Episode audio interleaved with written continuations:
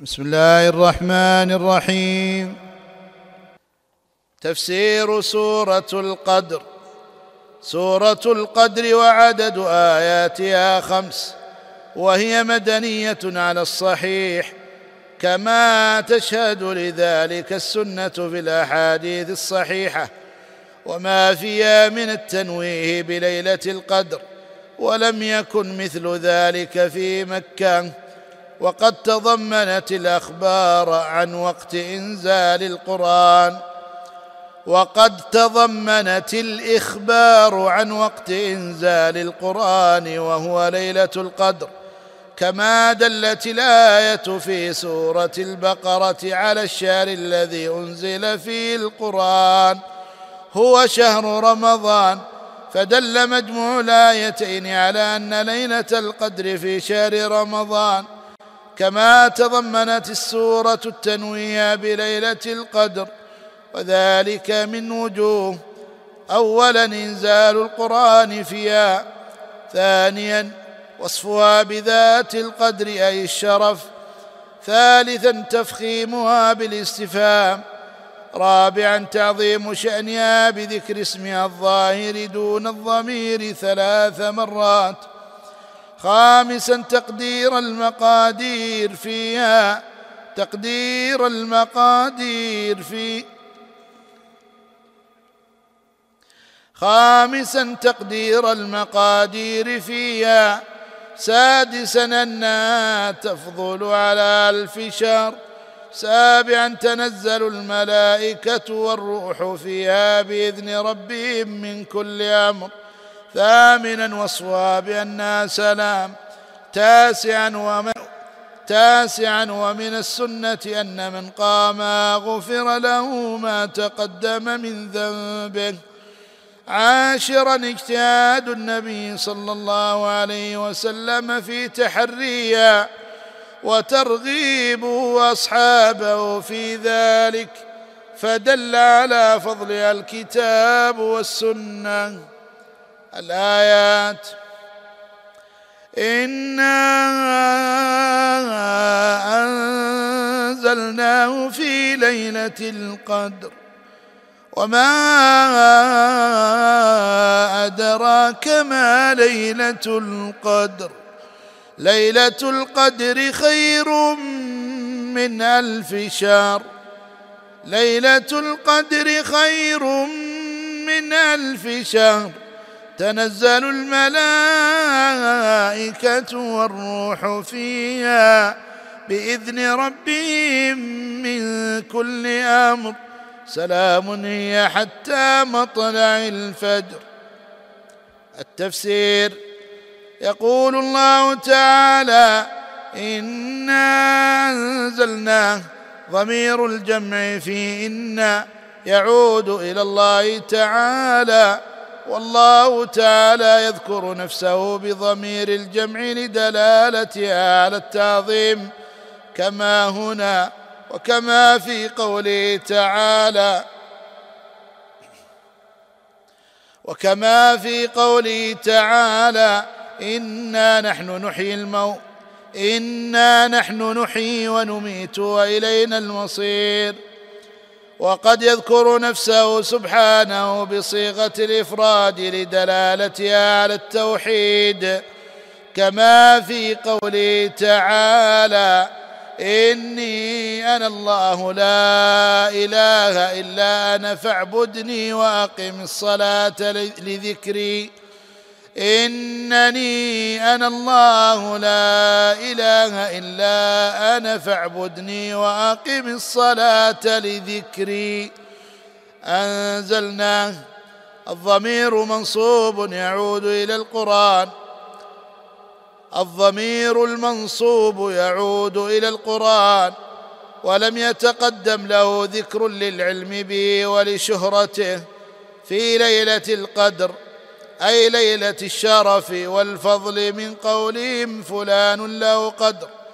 فليلة القدر ليلة عظيمة تغفر فيها الخطيات وتقال العثرات. وفي الصحيحين من, من قام في الصحيحين. وفي الصحيحين من قام ليلة القدر إيمانا واحتسابا.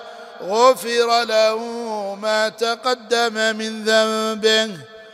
وقيل سميت ليلة القدر من التقدير لأن مقادير العام من الأرزاق والآجال وغيرها تقدر وتكتب في تلك الليلة.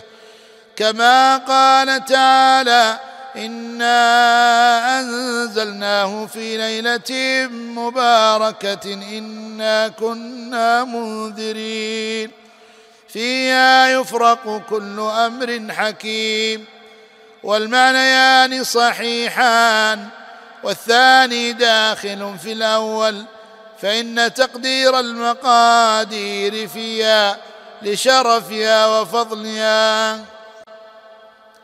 دلت الآية على أن القرآن أنزل في ليلة القدر. دلت الآية على أن القرآن أنزل في ليلة القدر وليلة القدر في رمضان. قال تعالى شهر رمضان الذي أنزل فيه القرآن. ومعنى انزاله في رمضان أي ابتداء نزول القرآن كان في رمضان. فإن الليلة التي نزل فيها جبريل على النبي صلى الله عليه وسلم بالآيات الخمس من سورة العلق كانت في رمضان. وصح عن ابن عباس رضي الله عنهما في معنى أنزلناه في ليلة القدر أن القرآن أنزل من اللوح المحفوظ جملة إلى بيت العزة من السماء الدنيا ثم بقي ينزل على الرسول صلى الله عليه وسلم نجوما مفرقا بحسب الوقائع وبهذا يظهر التناسب في ترتيب السورتين العلق والقدر فكأنه قيل إن تلك الآيات في العلق أنزلت في ليلة القدر. ودل قوله تعالى انا انزلناه في ليله القدر على تعظيم القران من ثلاثة اوجه. الأول ذكر القران بالضمير. الثاني ان الله اختار لانزاله اشرف الاوقات. الثالث ان الله اسند انزاله إلى نفسه. ولما كانت تلك الليلة عظيمة عند الله تعالى قال وما أدراك ما ليلة القدر؟ أي أي شيء أعلمك عظم قدرها ومنتهى فضلها؟ فالاستفهام للتفخيم والتشويق لما بعده ولهذا قال في بيان فضلها ليلة القدر خير من ألف شهر أي في الشرف والفضل والمعنى أن العبادة في تلك الليلة خير وأكثر ثوابا وأعظم فضلا من العبادة في ألف شهر ليس فيها ليلة القدر. قال ابن عيينة ما كان في القرآن ما أدراك فقد اعلمه وما قال وما يدريك فإنه لم يعلمه. قلت هذه قاعدة أغلبية. ثم ذكر تعالى من فضل تلك الليلة فقال تنزل الملائكة. أي تتنزل الملائكة تباعا والروح وهو جبريل عليه السلام. والمعنى أنه ينزل مع الملائكة في ليلة القدر. وخصه بالذكر لشرفه مع أنه داخل في الملائكة بإذن ربهم أي بأمره تعالى لهم بالنزول فنزولهم طاعة لله. وفي الحديث عن النبي صلى الله عليه وسلم أن الملائكة تلك الليلة في الأرض أكثر من عدد الحصى.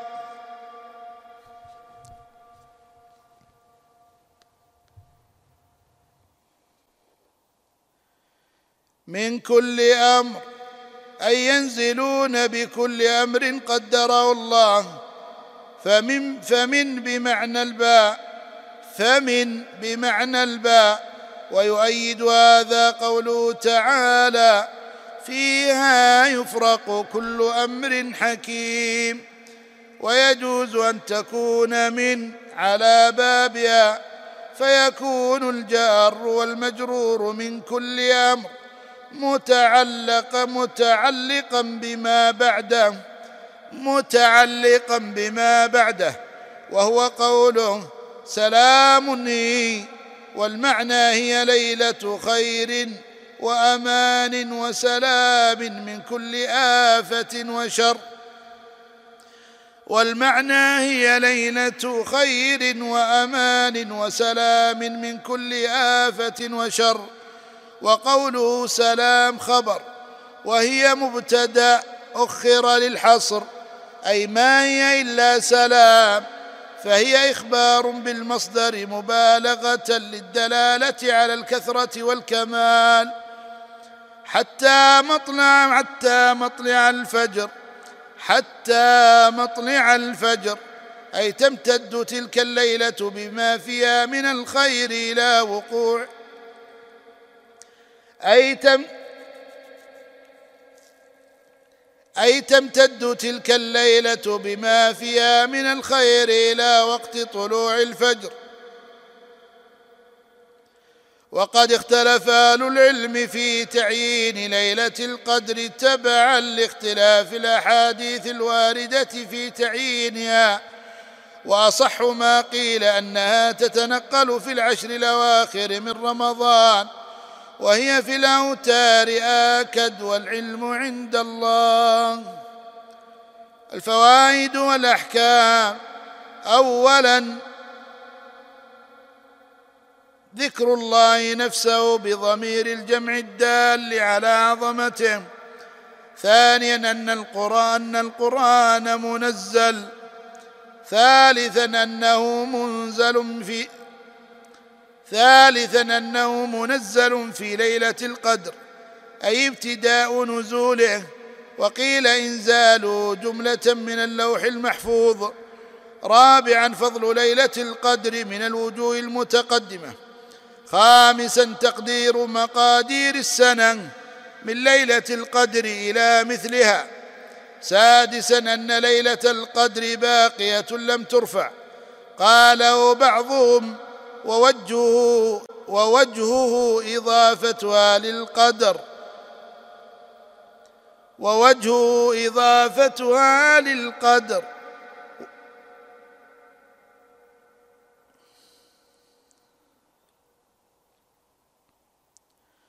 ووجهه إضافتها للقدر.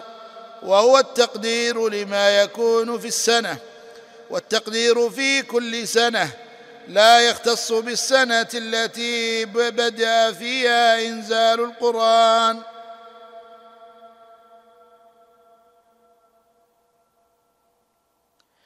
والتقدير في كل سنة لا يختص بالسنة التي بدأ فيها إنزال القرآن ولأن بقاءها مناسب لبقاء القرآن محفوظا. فتذكر كلما ذكر نزول القرآن كما يذكر القرآن كلما جاء رمضان الشهر الذي أنزل فيه القرآن كما يقتضي بقاءها أيضا ما ذكر في هذه السورة من تعظيم شأنها والامتنان بها على هذه الأمة سابعا تنزل الملائكة في تلك الليلة وجبريل عليه السلام معهم. ثامنا أن الروح اسم لجبريل عليه السلام. كما قال تعالى نزل به الروح الأمين. وتخصيصه بالذكر في هذا السياق لأنه الذي نزل بالقرآن. تاسعا أن نزول الملائكة بإذن الله أي بأمره. عاشرا إثبات الملائكة وأنهم قائمون بأنفسهم ويتصرفون بأمر الله. خلافا لما لمن يزعم من المتكلمين أنهم أشياء معنوية. خلافا لمن يزعم من المتكلمين أنهم أشياء معنوية. الحادي عشر أن ليلة القدر مباركة كما في سورة الدخان ومن بركتها كثرة نزول الملائكة فيها. الثاني عشر أنها ذات سلام أي سالمة من الشرور. التي تحدث في غيرها. الثالث عشر أن وقت ليلة القدر من أول الليل إلى طلوع الفجر. الرابع عشر أن الليل أفضل من النار. كما استنبطه بعض العلماء من إنزال القرآن في ليلة القدر. وهذا استنباط وجيه. ويؤيده أن الليل أخص بالوظائف. والفضائل الدينية كالتهجد والدعاء وفيه النزول الإلهي ومن الليالي ليلة القدر. الخامس عشر أن العمل قد يفضل غيره لفضل الزمان. السادس عشر فضل الله على هذه الأمة بتيسير أسباب الأجور. كان هذا المشروع برعاية أوقاف الشيخ علي بن عبد العزيز الضويان رحمه الله وغفر له ولوالديه وبارك في ذريته. وجعله في موازين حسناتهم.